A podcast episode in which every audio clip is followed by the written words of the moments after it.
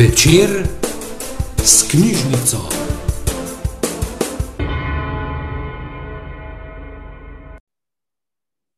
Dober večer, spoštovani obiskovalci, spoštovani poslušalci in gledalci. Večera s knjižnico, zopet se vam oglašamo v živo iz knjižnice Ivana Tavčarja Škofja Loka preko Facebook strani knjižnice Ivana Tavčarja Škofja Loka. Nocoj gostimo zanimivo gostjo, ki je že z nami, gospa Urška Kolenc, predsednica društva Junaki tretjega nadstropja. lep dober večer voščim. Živjo. Pozdravljeni, midve sva se sicer dogovorili, da, se vikava, če pa nama slučajno vmes, ko sva že tako povezani nekako, zdrkne vtikanje, pa brez zamere, se priporočava. Torej, lep dober večer še enkrat vsem skupaj, pa začniva najin pogovor, ki se ga zelo veselim. Kdaj je bilo ustanovljeno društvo Junaki tretjega nadstropja in zakaj, od kod je dobilo to ime? ja, ustanovili smo društvo šele lansko leto. Tam nekje konec aprila so nam dali, kako bi temu rekla kar po domače, žig, da smo ustanovljeni.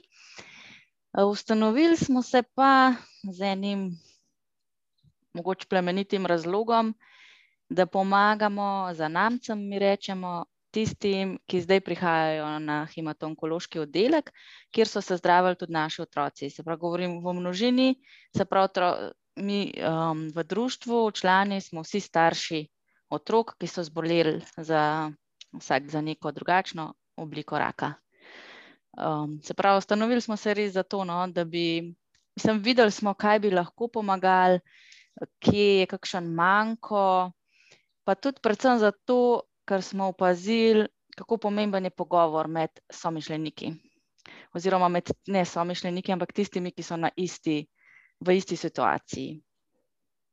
Koliko je bilo ustanovnih članov društva, kako ste se našli? ustanovnih članov društva je bilo devet. Našli smo se pa tako, mislim, meni so rekli že tudi zdravniki, pa pol smo tudi na tem teku junakov, ke smo ga v Škofji Loki naredili, so mi, ampak bolj zdravniki, no, so mi dali neki povod, govorili so mi: "Urška, v tebi vidimo nekoga, ke bi lahko nekaj takega naredil." Pol pa sem jaz, že to je bilo že skozi zdravljenje, no, ko je pa Emi umrla, je bilo pa tega mogoče še malo več, ker sem se jaz vračala na oddelek k psihologinji zaradi sebe, a ne, zaradi psihološke pomoči, in videla sem, da ta moj korak na oddelek, ne vem, meni je, meni je bilo kar fino, no, ali kako naj rečem.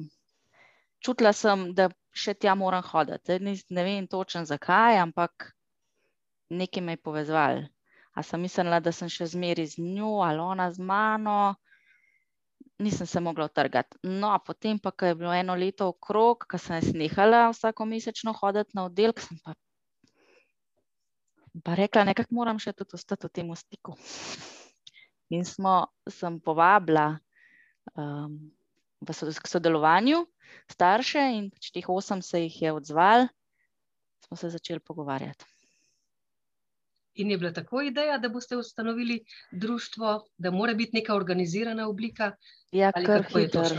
Kar hitro so vsi ti, ke so se mi odzvali, no, smo kar hitro stkali neke tudi prijateljske vezi, neke že kar programe, ali kako bi rekla, kaj lahko naredimo, tako da smo se že tam v januarju tega lanskega leta, ne, čakajte, katerega, ja, dva tisoč dvajset, usedli, spisali vse papirje, sploh si nismo nismo mislili, kaj vse to za sabo prinese, ampak ker imamo med nami pravnico, ekonomistko, tako naprej, no, res super ljudi, smo to speljali. kakšno je torej poslanstvo vašega društva, kje deluje? Komu se točno posvečate in pa kakšne naloge ste si zadali in katere cilje zastavili? Takoj ob začetku. Ja, mogoče prej nisem odgovorila na ta prvo vprašanje dobro, a ne, ke si vprašala, Tako, ime. zakaj ime, ja, Tako, lahko pa bi dopolniš. povedala. Tako, naše društvo se imenuje Junaki tretjega nadstropja. Junaki zato, ker so ti otroci, ki se zdravijo v tretjem nadstropju, res pravi junaki. Um, tretje nadstropje pa zaradi tega, ker je oddelek hematonkološki v tretjem nadstropju pediatrične klinike. Tako da če se en tak enostaven skupek um, besed sestavlja naše, naše ime. No, polno ime je pa potem Društvo staršev otrok zdravljenih na hematonkološkem oddelku, ker je prav, da se ve, da smo starši. Ne? Smem vprašati, Ja, ja, kdo, kar. po- kdo lahko postane član društva? Starši ali mogoče tudi kakšni ljudje, ki vidijo, da bi tukaj, pa ki, nimajo, ki niso starši tako obolelih otrok, eh, pa vidijo, da bi lahko mogoče kaj pripomogli v tem društvu. Ja, člani društva so ti otroci, se pravi junaki, pa njihovi oži, najožji družinski člani, se pravi bratje, sestrice, pa mami in ati. Kako ne rečem, babice in detke in vsi ostali pa spadajo med podporne člane. Mhm. Tako da res vsake, vsakega um, sprejmemo medse. Um, moramo, ma- imamo pa ločeno, zato ker Je še le- vse glih delujemo bolj za, za junaka, kako bi temu rekla. No? Tako, tako. Podpornike pa vedno spremete. To je, to je bistveno. Tudi, če ne morejo postati člani, sej le, Tako. kljub temu lahko Mislim, pomagajo. so člani, ampak podporni člani. Podporni člani. Tudi dobijo um, izkaznico, tako da to lepo od nas. Da se čutijo še bolj povezane. tako. Torej, društvo je zelo mlado. Jaz sem mislila, da je mogoče bilo prej ustanovljeno, ampak z njim žanjete tako vidne uspehe, a ne, da ste že lani takoj prejeli občinsko nagrado, bronasti grb eh, mesta občine Škofjeloka, uh, za kar vam čestitamo. In pa zdaj, letos je bila tudi ena taka akcija, ki se je zelo prijela, ki je bila zelo opazna in ste postali tudi ime tedna na Radio Val 202. To so neki odzivi ljudi, neka priznanja, ki vam jih lahko izrečemo, da pokažemo, da smo opazili vaše plemenito delo, eh, vaša prizadevanja in tudi vaše dosežke. In ob tem vam iskreno čestitam v imenu vseh, ki vam osebno še niso zmogli čestitati, um, če dovolite. In pa uh, vprašala bi vas, poleg tega, kaj vam taki dosežki pomenijo, Ja, najprej hvala. taki No. odzivi ljudi. Sem, to je res lepo, ne. Moram pa vsakič tudi povem, jaz dajem ime, moje ime. Res sem predsednica društva, ena izmed soustanoviteljic, ampak brez ostalih ne bi bilo nič. a ne. Tako kot pri vsaki stvari, eden, vse mogoče se kaj kaže, pa lahko en sam tudi kaj naredi, ampak to ni dolgoročno. No. Mi pa gledamo malo bolj dolgoročno, ampak vse se tudi ostali strinjajo, da gre meni kao tele stvari um, boljš, pa me porivajo zdaj v spredje. Ja, to ste vodja eh, društva, pravzaprav predsednica, Ja. ampak seveda zasluge grejo pravzaprav logično Tako, vsem ja, članom in tako. vsi so zaslužni za take dosežke, ki ste jih do zdaj že nanizali. Kaj vse je vašemu društvu uspelo uresničiti v tako kratkem času? Katere cilje ste že dosegli? Ja, mogoče ena zadeva, ki je meni res, pa tudi ne gre samo za naše društvo tukaj in za naše otroke, ki jih kar tako poimenujem, ampak za vse otroke. Zauzeli smo se, da bi bilo plačljivo, da bi bilo bivanje ob otroku, a ne, vem, kako naj to skozi nekaj zakompliciram, ampak starši so mogli plačati um, to, da so bili lahko ob otroku, ko je bil star šest let ali več. In to se nam ni zdela. ne. Že, že tako, če ne bi bil tako zelo bolan, tudi če je. Nima veze, no? če je otrok v bolnici, mora imeti starša zraven. Res je, da potem, če gre za ne preveč hudo zadevo, je lahko najstnik brez problema stra, sam ali pa še celo želi biti sam. Ampak tukaj gre pa za drugačno zadevo. Ne? Tukaj si ti, nisi ob otroku samo, da si ti tam, ampak imaš tudi vel, velik del, pripomoreš recimo zdravstvenemu osebju. Otroci veliko bruhajo, treba je meriti urin, um, treba je skozi razvozlavati um, tele cevke za infuzijo oziroma zdravila in si nek res potreben del tam. ne. In da, da pa za to plačaš tam skoraj 20 evrov na dan, vsak seveda plača, vsak se nekako znajde. znajde. Ampak to smo želeli, želeli, da temu ne bo tako. In smo v teh včasih, pač, kako bi rekla, izkoristili malo protikoronske zakone. Politika nas je podprla in v šestem protizakonskem, mislim, protikoronskem zakonu smo uspeli za eno leto to mejo šestih let zvišati na 14. Mhm. Za otroke s posebnimi potrebami, kamor pa spadajo tudi uh, rakavi bolniki, smo pa to celo do 18 let no, dali, tako da smo res, res veseli. No. To je čudovito. Sem res. Moram pa reči, da se tle ne bomo ustavili, no, ne bomo samo eno leto postili, ampak se že nekaj pogovarjamo, menimo, sprašujemo. Pa ne bom izdajala naprej. Velja. Uh, vemo, kam smer kaže, in upamo, da boste uspešni pri tem. Ja, ta, ta zadeva je res ena taka, ki je mogoče. Tudi zato, ker je širša, no, ker ni samo za to, vse glih mehko skupino otrok. Um, se meni zdi res pomembna. Druga stvar, ki smo letos tudi veliko tega naredili, moramo vedeti, da je ta korona, mi nimamo zdaj tazga dostopa na oddelek, kot je bilo pred korono. Če bi bilo zdaj to tako stanje, bi mi vsako tedensko bili tudi kot društvo gor. Imamo programe, ki jih bomo začeli izvajati, ko se bo to sprostilo, ampak v luči korone smo na oddelek dostavili kar lepo število nekih medicinskih pripomočkov. Veliko od teh smo dobili tudi doniranih.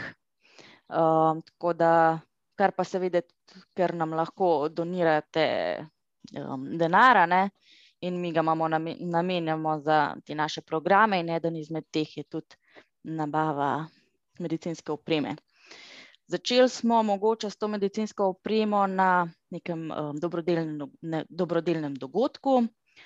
Se je gospod Rojc odločil, da bo za svoj 50. rojstni dan naredil dobrodelni Everesting in da bo vse, kar se bo namralo od črtnin in prodaje sladoleda in tako naprej, namenil nam in je v bistvu zbral za celo napravo Kinetek, to je neka rehabilitacijska naprava za koleno. In smo to prvo v bistvu zadevo nesli na oddelek, no, tako se je začel. To je bil vaš prvi uspeh. Ja, to je bil kar, kar je bilo slabih 5000 evrov, se mi ti ne zdi tako majhna vsota.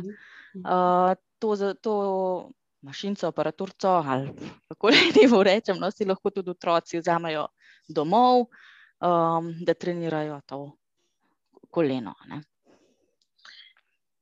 Um, če se malo zdaj dotaknemo letošnje akcije in 15. Hmm. februarja, ki velja, da je to Mednarodni dan otroškega raka. A mogoče veste, kdaj in kako je ta dan postal uh, znan pod tem imenom? Ojoj, ne, dobila si me. Ne, vse drugače vem, ampak ne upam povedati, ker nisem čisto stoprocentno prepričana. Ampak mislim, da šele tam nekega mal po letu 2000, uh, eh, ne vem pa točno, točno katera država ali katera organizacija ja. se je mhm. tega um, domislila. Mi smo pa letos res, tako kot smo lansko leto že začeli z mesecem septembrom, ki je mesec otroškega raka tako kot so potem še oktober in november, uh, smo že začeli z se pripravami, ali kako naj temu rečem, na bolj temeljito ozaveščanje, kar se nam zdi zelo pomembno. Um, in smo za tale 15. februar kar dolg, ne dva meseca se pripravljali, zraven povabili junake, ki so nam pošiljali um, videe, malo smo namignili, oziroma malo smo naredili nek scenarij, so punce naredile, da smo prav posneli film, ga zmontirali in ga poslali v osnovne šole. Ker smo rekli, da to so pač junaki, so otroci, ki tudi obiskujejo osnovne srednje šole, pardon, vrtce. In prav je, da oni vejo, da so da otroci iz otroci vedo, da so med njimi tudi bolni otroci. No? To je bil nek tako začetek, kako naj rečem. Neka taka prva eh, pobuda. Ciljno, cilj, nek da bi cilj. te otroke ozavestili in seveda pol vse naprej tudi. Ne? Da tukaj, tudi s tem, da letošnjim dnem se to ne bo končalo, naslednje leto, za naslednje leto že pripravljamo, tudi za 15. februar, ostali bomo v vrcah in, vrcih in šolah, razširili še mal. Malo smo tudi razmišljali, če bo knjižnica razširila, glede na tole Ja, smo pa mi povabilo. prišli naproti, ja? Aha. Super, ja, seveda, z Tako veseljem. to se nam je zdela zelo dobra ideja, ne? ker tudi veliko knjig obstaja na to temo, pa bi mogoče lahko se bova slišali kasneje. Absolutno, ja, imam tudi že nekaj v mislih. Uh, to, ja, pa kaj, kakšne akcije so bile še letos? Zasledila sem. Tako, ja, potem smo pa še občine pozvali, ne, ker vemo, da se tudi skozi neke barve po kulturnih objektih menjajo, zelene, roza, modre. Smo rekli, se zlata je pa tudi tako lepa, a ne bi mi probali še občine malo osvetliti. Tako da se nam je tudi na to akcijo res, nam se zdi, da če veliko število občin odzvalo, um, res smo veseli, dobili smo take lepe slike. Um, smo pa tudi objavili na Facebooku. No. Zval, odzvala se je tudi naša občina in osvetlila trg pod gradom. Um, resno, dober je občutek, ki veš, da mislim, začutiš, da te, kot si prej, ste prej rekla, no, da spodbuja te. Pa, Da vas podpiramo tako, ja. No. pri vaših prizadevanjih, ker se nam zdijo absolutno plemenita, absolutno in pa tudi nujno potrebna. Tako da vam hvala za ta angažma v imenu vseh nas. Nikoli ne vemo, kdaj bomo tudi sami potrebovali vašo pomoč in to, kar, Ja. za kar se prizadevate, to, kar boste dosegli še v bodoče in kar ste že. Uh, jaz imam sicer še eno dilemo, Uh -huh. glede tega imena, Mednarodni dan otroškega raka, da je to malo razčistiti.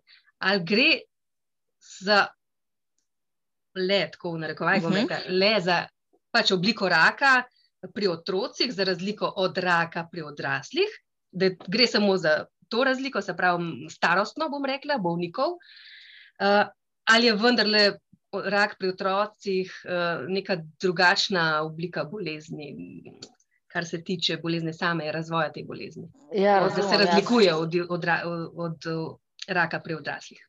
Pa sej vemo, ne, da rak je pač samo ena beseda za zelo veliko različnih bolezni. Imamo levkemije, pa je to rak, imamo možganske tumore, mislim, razne tumorje, pa je to vse rak. Tukaj bi rekla, da je bolj neka mej, mej, nek mejnik z leti. ne. Je pa dejstvo, da je otroš, rak v mladosti ali pa pri otrocih v primerjavi z rakom v odrasli dobi tega vse glih toliko manj. No.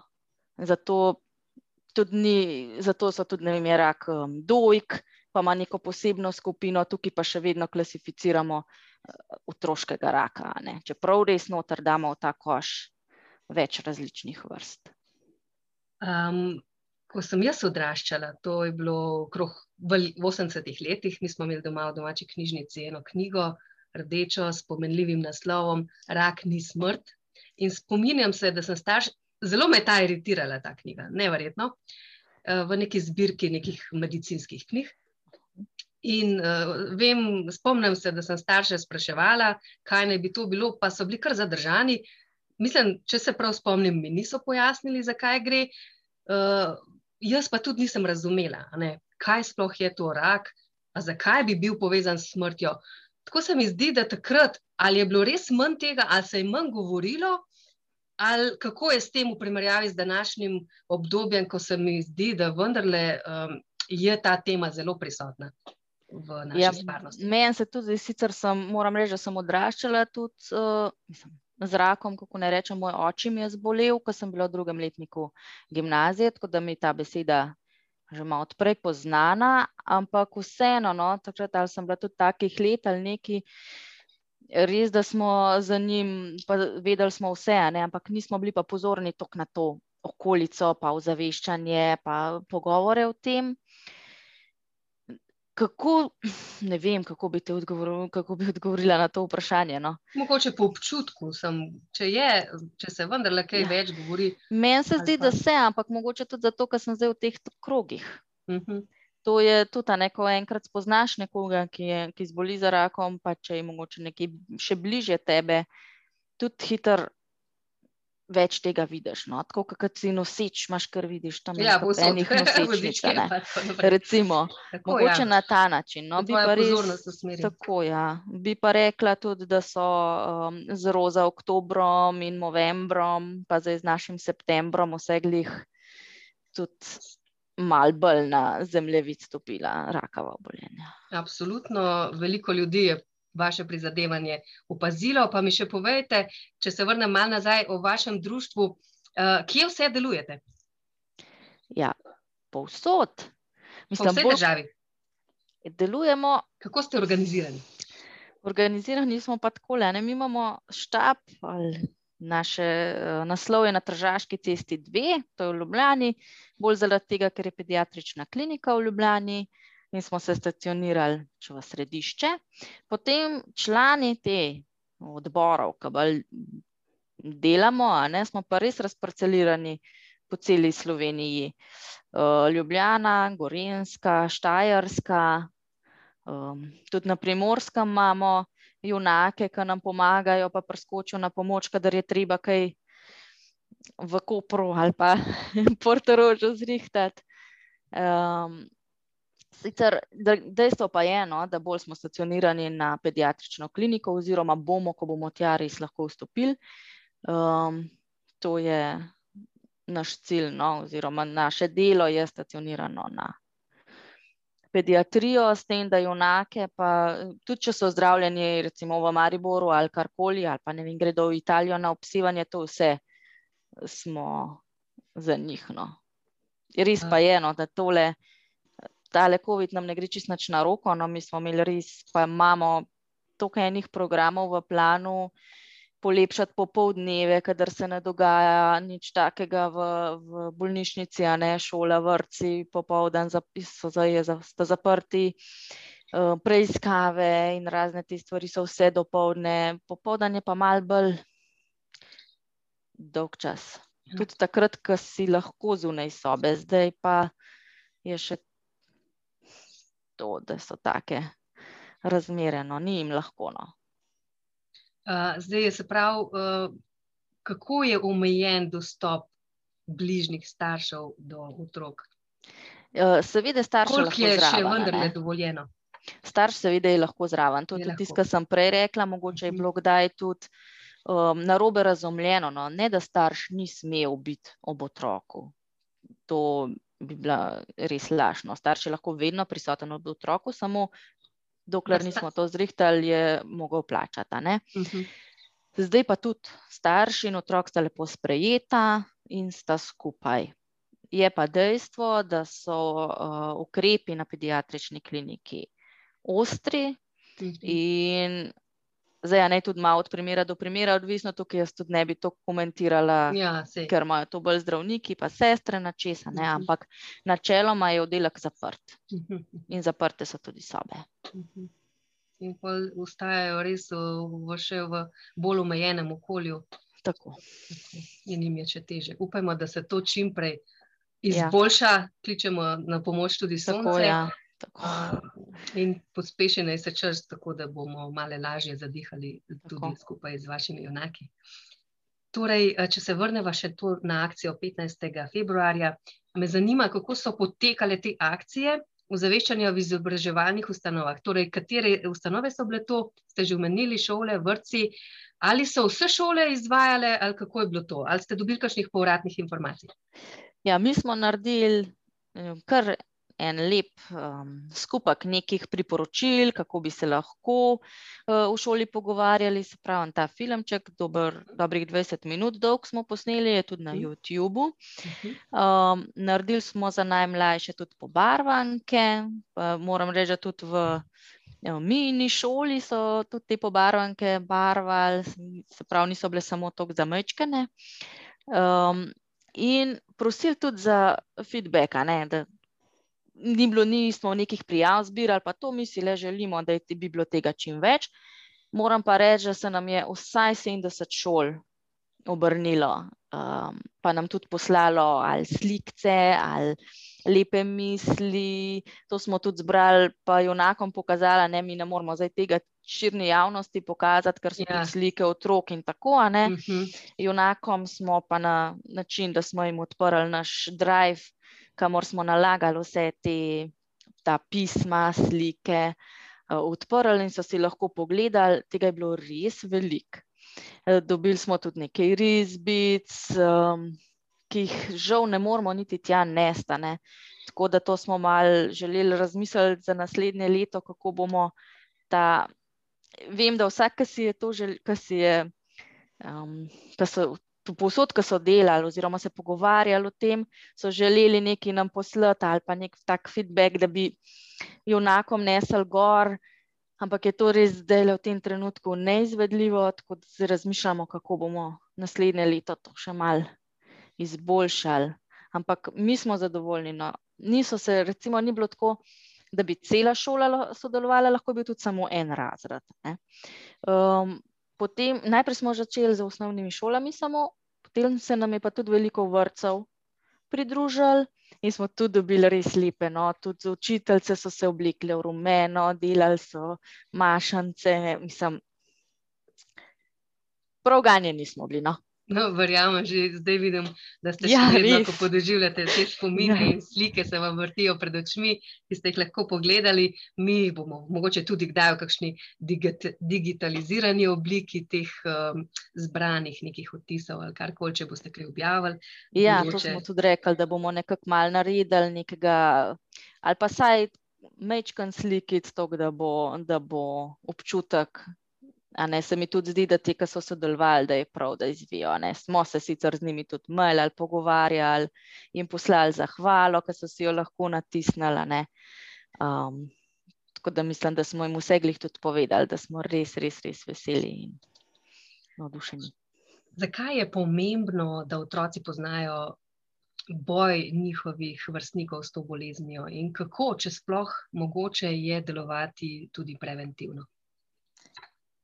Ja, to za preventivo bom kar tukaj, mislim, kar s tem začela, ne vem. To so pa res tako majhni, samo otroci, ti pa res nič tazga niso naredili, no? da bi jih lahko taka bolezen zaradi nečesa prizadela. To je moje mnenje. Tako da tukaj s preventivo žal nisem ta prava, ki bi lahko to odgovorila. Bi pa le na ta prvo vprašanje bolj tako odgo po podrobno odgovorila. Zaradi tega, ker ti otroci tudi hodijo v šolo, ker imajo sovrstnike, ker kar naenkrat recimo iz, ne hodijo več uh, k pouku in je prav, da se tega zavedajo ostali.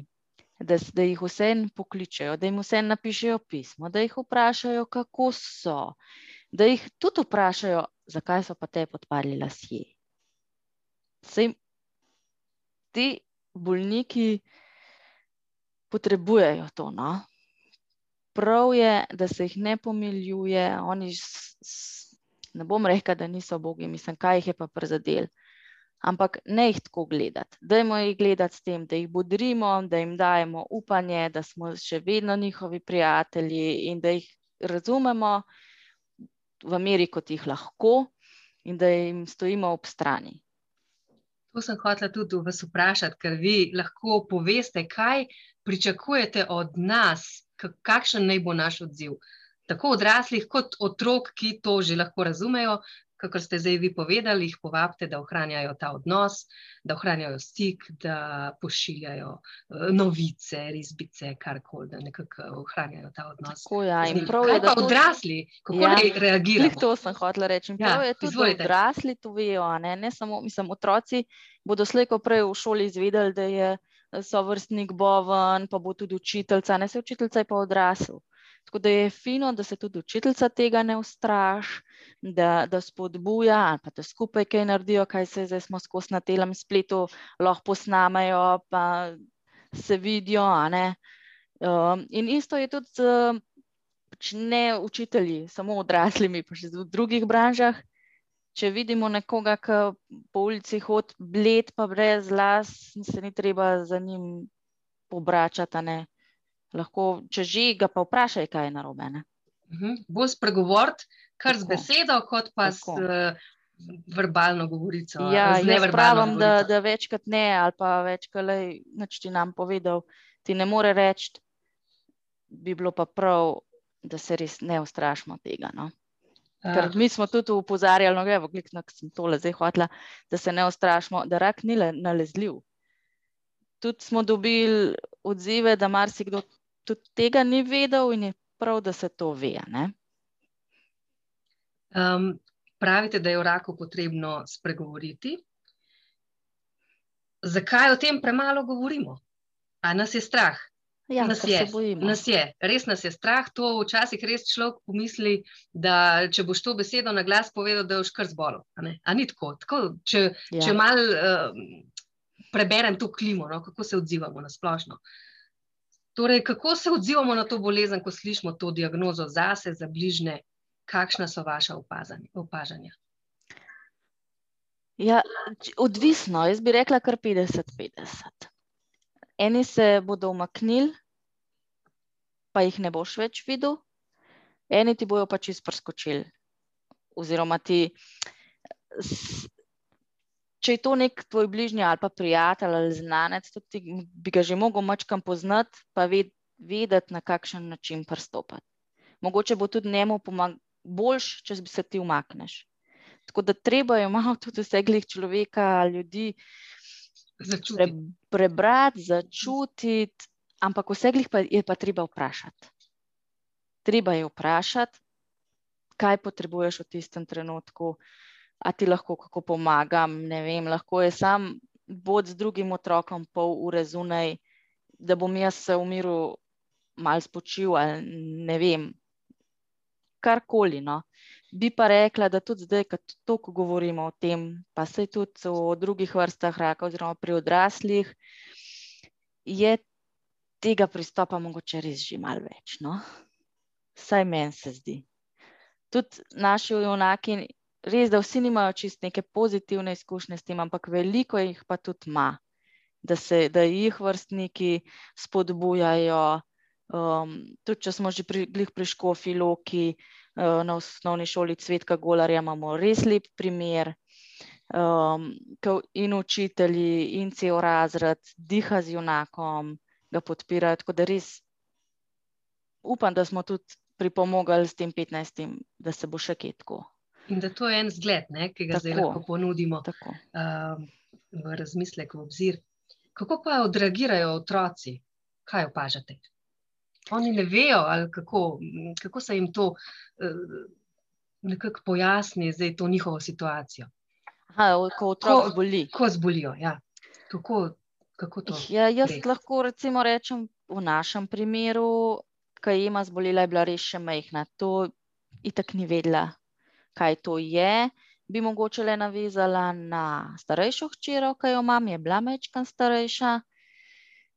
Mi smo kar odkrit govorili, no? um, da je to težka bolezen, da to ni samo en nahod, da se ne ve, kaj bo, da je da bo dobivala pač težka zdravila, močna, sej kaj pa ve otroci, kaj je kemoterapija, mogoče bolj na nek tak slikovit način.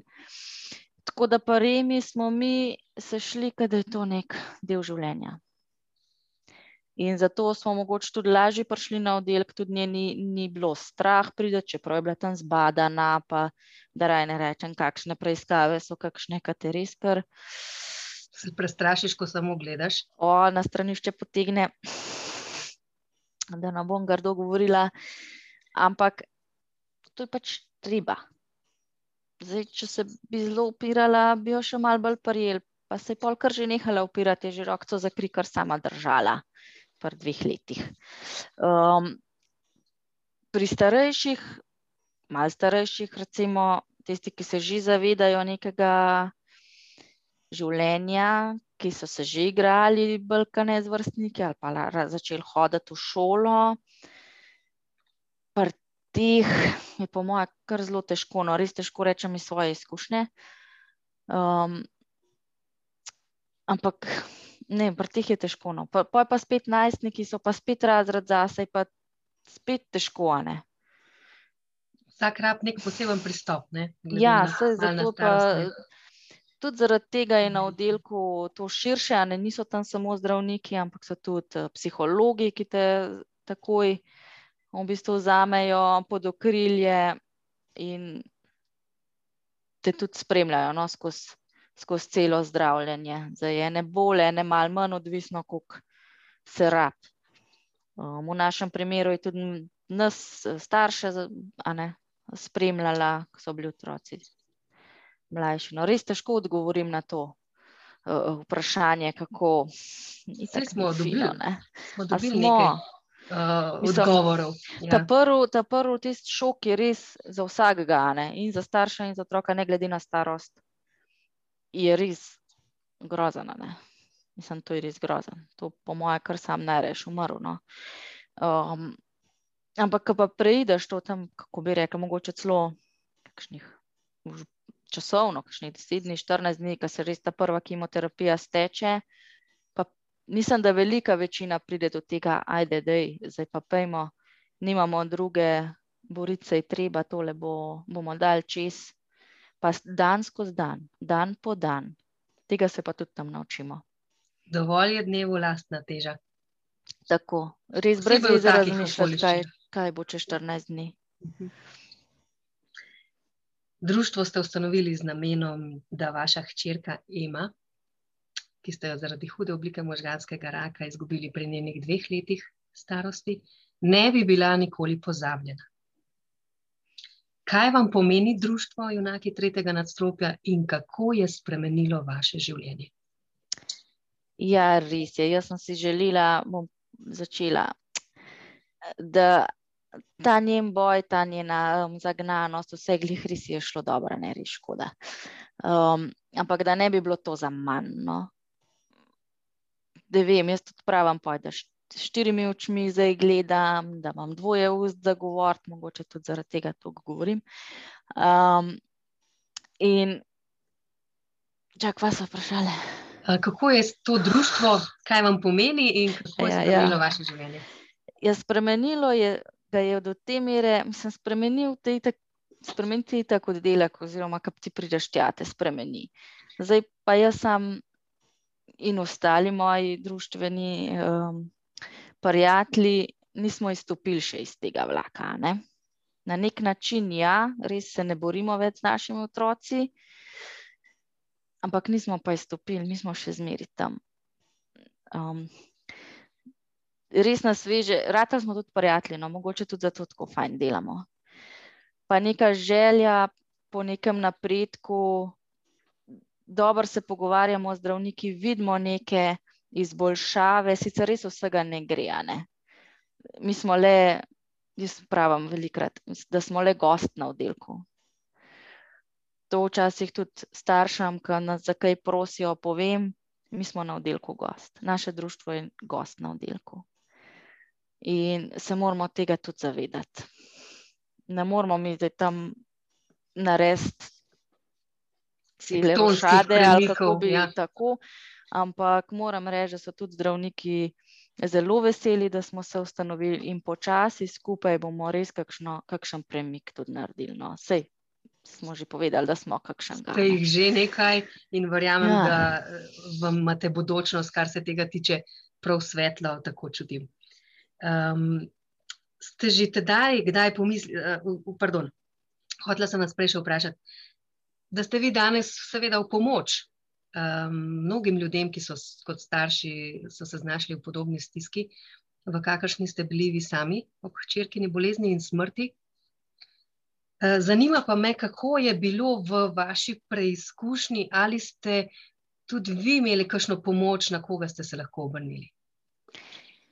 Um, Poleg ja. teh, ki jo nudi oddelek. Ja, med sabo smo si starši veliko pomagali. Ne?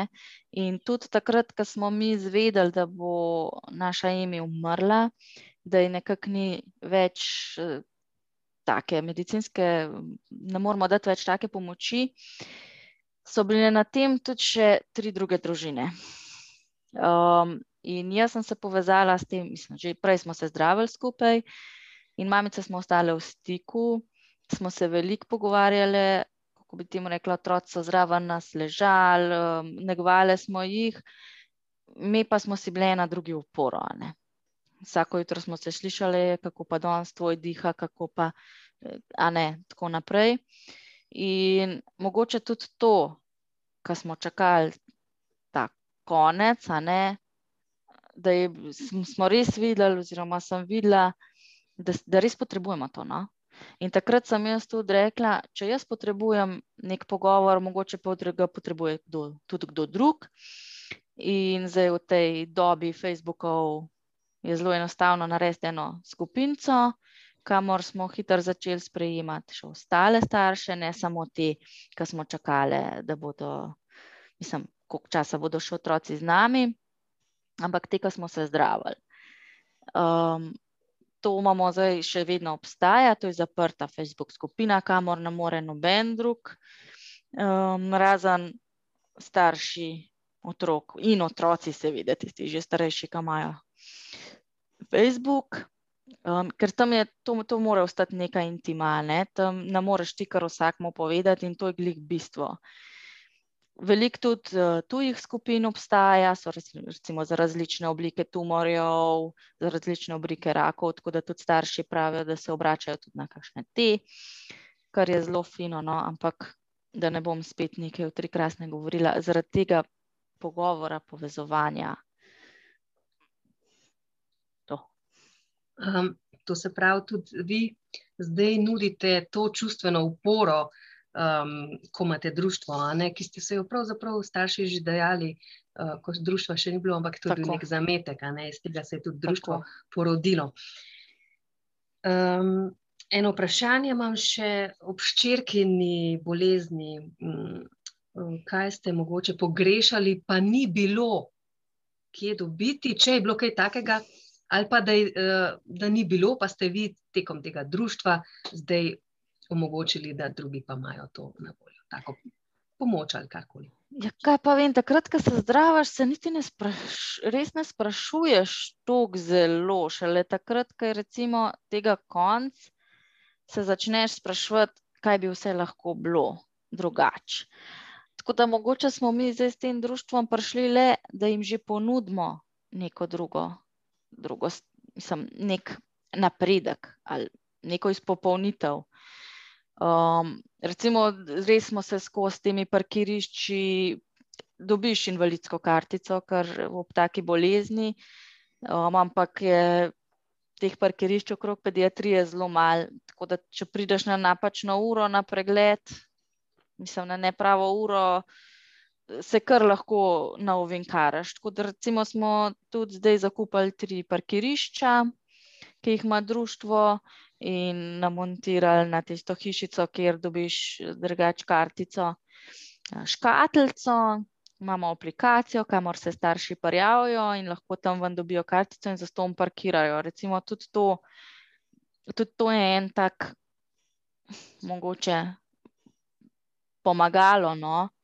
Res, da je tudi finančno, tudi, tudi finančno, ker če si ti tam mesece, ali kako naj temu rečemo, ali pa redno. Redno, ja, je to lahko kar nek velik strošek. No. Um, vprašala bi vas še nekaj, ker je en poudarek, ki sem ga zasledila. Uh, eno je, da želite, da se več pogovarjamo o raku, drugo pa je, da želite, da bi spremenili odnos do raka. Um, ka, um, Bohe, kakšen, želite, kakšen želite, da bi bil ta odnos do raka? Če smo prej rekli, da se ga pa bojimo, pa to, ampak kako naj se mm, spoprimemo z njim? Ja, ne sme nas biti strah. Če, če recimo um, bolnik v, v naši bližini, um, res je treba opazovati, ampak tudi ga vprašati. On sam ne bo rekel, da mi greš v trgovino.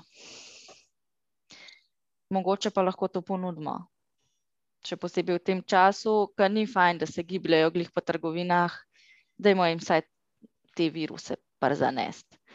Um, tako da jaz bi tako rekla, no, da nas ne sme biti strah pristopiti, vprašati, čeprav to je res lažje govoriti, kot kar pol narediti, to je dejstvo. sem se tudi sama v situaciji taki znašla, pa sem šla čez to, uh, pa sem težko soseda vprašala, kako si, a ne. Pa mi, mi je zelo žal, bi mogla odreagirati drugače, tako da se bom tudi sama mogla še malo učiti tega. Um, ampak dajmo probati, no. Tudi jaz bom probala še malo bolj. Dajmo pa še vsi ostali. Kako bi vi želeli spregovoriti o raku? Kaj, je, kaj vam rak pomeni danes, potem, ko se vam je tako odblizu in neizprostno predstavil? Kako drugače od prej mu zrete v oči in ga imenujete danes, ko ste prestali bolezen in smrt svoje male hčerke Eme in po vsem tem, kar počnete v njen spomin? V njen spomin?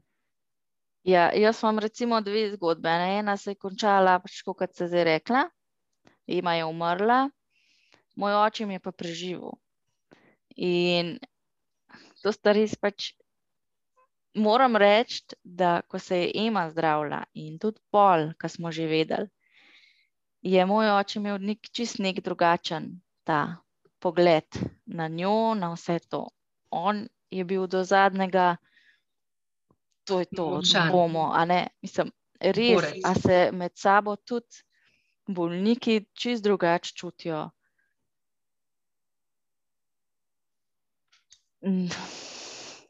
Ne vem, no. ne, mislim, kako zdaj gledam na to, kako sem prej. Ja, prej je bilo to za me nekaj, kar je moj oče premagal, neka ne lahka pač zmaga, ampak nekaj, kar se da, zdaj pa gledam tudi to, da se žal tudi ne da. Ne se trudiš, to sigurno, vsi se borijo. Um, je pa dejstvo, da je kakšna oblika ali ti možgani so tudi nek svoj. Ni, če se ti z možgani pol še kaj pofedla, bom čist po domač rekla, pa tudi če preživiš, je mogoče lahko še hujš, po kar je nam zdaj. Po pravic povedan. Um, tudi so rekli zdravniki pri nas, da lahko gremo še naprej zdravljenje, pa poizkušamo, ampak tista zdravljenja, ki so nam ponudili, kar bi lahko jim ohranili živo, so bila taka, da, verjetno, da, velika verjet, da bi bila velika verjetnost, da ne bi bilo z njo nič. No? Ne vem, kako naj to lepo povem, da se ne bo slišalo tako. Um, Ne vemo, nikoli ne, ne, ne, ne vemo. Ja, lahko, se sprašujem, tudi sama imam, um, uh, hodim na psihološke delavnice, zdaj, ko so, moram tudi poudariti, um, da društvu, z društvom sodelujemo zdaj tudi s hospicom, na kar smo res zelo veseli, ker je tudi ta del, ne, del žalovanja. Um, zajemamo in se moramo res zavedati, da je tudi zelo pomemben. Ni potem, ko je enkrat konc, pač konc, nekdo ostane tukaj. In smo povezani zdaj, se pravi, s hospicom, tako da tudi ta del zelo dobro se mi zdi, da pokrivamo. No? Na zdaj hod devet na to delavnico. In ko bomo mi zaključili, bomo, bodo žal nove, novi prstopili, tako da tudi to. No. Ne vem. Um, se nadaljuje. Ne? Ja, nadaljuje. Se nadaljuje. Po mojem, nikoli ne bom neko ležernost gledala na raka. No. Zmeri kot nek, um, zakaj, ne? zakaj, zakaj ja. si se pojavil. Ja, ampak to se ne smeš spraševati. Ker to si pojdi v nekem krogu. V neki... Se lahko zagrizeš vase. Ja, v nek ta lup stopiš in ne boš nikoli več prišel ven. Tako da jaz bi sam rekel, da ne, ne, se, ne si. Mislim, ni prav, da si sam rečeš, ok, zdaj pač to je in gremo, ampak prav je, da se vprašaš. Ampak ne pa, da se to zdaj sprašuješ. Vprašaj se, tako. ne se pa spraševati. Ker... Vprašaj se in naredi nekaj. Ja, Ja, ampak resno, če pa ostaneš v tem, zakaj, zakaj, pa iščeš, iščeš, glodaš, boš samo težje, bo, no? res bo težje. Se tudi tvoj um, fokus usmeri samo v eno vprašanje, in česar drugega okrog sebe ne vidiš, uh, vi pa v društvu vendarle se ozirate okrog in pomagate drugim. Ja. In vas, vam to pomaga uh, pri vašem žalovanju, pri vašem uh, ja, soočanju ja, ja. Z, ja. z izgubo. Uh, in seveda, če lahko kaj pomagate drugim, sigurno se dobro počutite. Ja, res uh, je. Ema je vesela. O je. uh, zdaj, čas tega čudovitega pogovora ne, hitro teče. Uh, bolj pri koncu sva. Eh, pa umeniva še uh, knjižne izdaje oziroma izdaje knjigic. Zasledila sem objavo na vaši Facebook strani, da ste pripomogli k prevodu teh knjigic za najmlajše otroke v slovenski jezik, uh, ki slikanice, ki na zelo enostaven način otrokom prikažejo različne postopke povezane z zdravljenjem raka. Uh, videti so zelo simpatične. Mm, kaj lahko poveste o tem podvigu? Ja, uh, moram reči, da so nas to ti, sploh ne vem, iz kere države so, neki angliži, um, našli in niso sam, nimajo prevodov samo v slovenščino, so naredili že veliko drugih prevodov. Je pa dejstvo, da te knjigic mi fizično nimamo, mi jih nismo izdali. Kot fizično knjigo, ne, da bi bila lahko na knjižni polici, imamo samo um, linke, do teh knjigic. So pa res fini. No, mi smo jih pol skupaj prevedli na nek ta naš slovenski način, ne res je tudi tako kot vice prevajati. To je mhm. kar težko, no, smo se pa potrudili, da je na nek način prav fino bo za te, za junake, a ne. Za otroke, ki so oboleli, zato ker bodo malo sebe videli, noter, ulajte, pa, pa, pa moj portek, pa tako, a ne bo pa tudi, po mojem, zelo pripomogel k temu našemu ozaveščanju. Uh, so pa res tako kot slikanice, um, razno razne te zadevce so upisane, se pravi, portak, ki sem rekla, to dajo noter v podkožje. Jaz sem kar rekla, kot nek lešniček zopno, ki je potem v uh, žilo speljan, zato da ne pikajo skozi, mm -hmm. kot gremo k zdravniku, ampak da sam tisti lešniček prebodejo in so že v močni žili, da lahko kemoterapija noter teče. To je recimo ena stvar, mislim, da so tudi. Um, Da je tudi nek centralni kateter, pač take stvari, ki jih mi, k sreči, ne bi poznali, če ne bi bili na tem. Mogoče pa zanimivo. Ste sami prevajali, eh, člani društva, ali ste Tako, ja. Imeli pomoč prevajalcev? Ne, smo se pa kar sami potrudili. Mhm. Vsak je malo pomagal, pa smo razmišljali, ali je to res tako pri nas pravimo, ali kako drugače. Tako da ja, smo sami. Pač uvedli ste nekatere izraze za slovenski jezik in to bo ostalo. Kako so pa dostopne te knjigice, ker pravite, da niso v fizični obliki? Uh, ja, knjigice bomo dali tudi na našo internetno stran. Uh, linke so pa na tem, kar ste vi, ste vi umenila, da ste videla no? na tej uh -huh. childhood. Na Facebook tako, kaže. Jaz sem ja. videl objavo na vaših Facebook straneh. Ja, ki, ki potem nanese, mislim, da uh, link na mhm. drugo objavo. Ja. Uh, torej, uh, kdo se lahko učlani vaše društvo, so se že dotaknili, uh, vabljeni k podpori društvu, kdo da mora se učlaniti. Zdaj pa lahko povabite tudi naše najne današnje gledalce in poslušalce, da se upišajo tudi. Uh, Eh, pač, da se upišajo, oh, oprostite, uh, da všečkajo vašo Facebook stran in bodo lahko, vam bodo lahko bliže, bodo sledili vašim akcijam, uh, vam jim bodo na pogled vaše objave, pravzaprav ta knjigica vse te um, prijetne stvari, ki jih res objavljate. Zelo mi je všeč pri vašem delu to, da pač skušate, kar vam tudi uspeva. Um, neko vedrino prikazati, pa neko, um, neko upanje, neko svetlo plat uh, tega, kar ostaja, kljub vsemu. Tako da ja. povabimo jih, da, da se nam pridružijo, oziroma vam pridružijo. Ja, jaz bi vas povabila. No. Je, morate biti pa večkrat pozorni, da bomo. Ko boste na Facebook šli, eno je Društvo Junaki tretjega nadstropja in to bi res povabilo vse, uh, če se nam pridružite, preberete, kaj objavljamo tudi zgodbe junakov. V septembru smo vsak dan eno zgodbo objavili, tudi s pomočjo drugih uh, medijev, ampak smo jih tudi dali na to društveno stran. Potem je pa ta zaprta skupina, ki sem rekla, ker tudi marsikdo pa v pomoti klikne, pa ga potem zavrnemo, ker ne odgovori pravilno na vprašanja. Um, in tja si vse glih ne želeti prideti. No? Tako da rajš, da te družbeno stran uh, všečkati.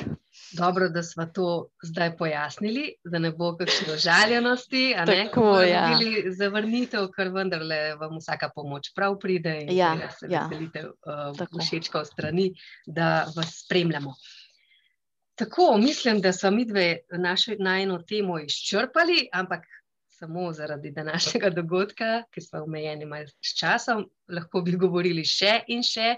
Vem, da nam imate še ogromno povedati, mogoče se še kdaj srečamo. Zaenkrat pa to društvo s pozitivno naravnanostjo in življenjskim optimizmom eh, opogumlja, opogumlja in bodri otroke, obolele za rakom, in prav vi ste prav. Prav enaki, vas čutim kot osebnost, tako, uh, tako osebo, no, ker se prav sklada s tem poslanstvom družstva, s tem, kar delate. Um, verjamem pa, da so ti vaši, bom rekla, sodelavci v društvu, člani društva, prav na enak način podobni vami. Zato imate So. tudi take lepe rezultate. So in naj se tudi njim zahvalim tukaj, kar sem že prej rekla, pa vedno moram, čeprav je pa s tem zapravimo čas, sam ne moreš narediti, dajmo skupaj, dajmo si pomagati in to je tudi neko bistvo našega društva. Ne. Če si bomo pomagali, mi med sabo, pa mi tem, ki pridejo, res, da smo mi že zunaj iz teh težav, ampak se trudimo z najboljšimi močmi pomagati še naprej.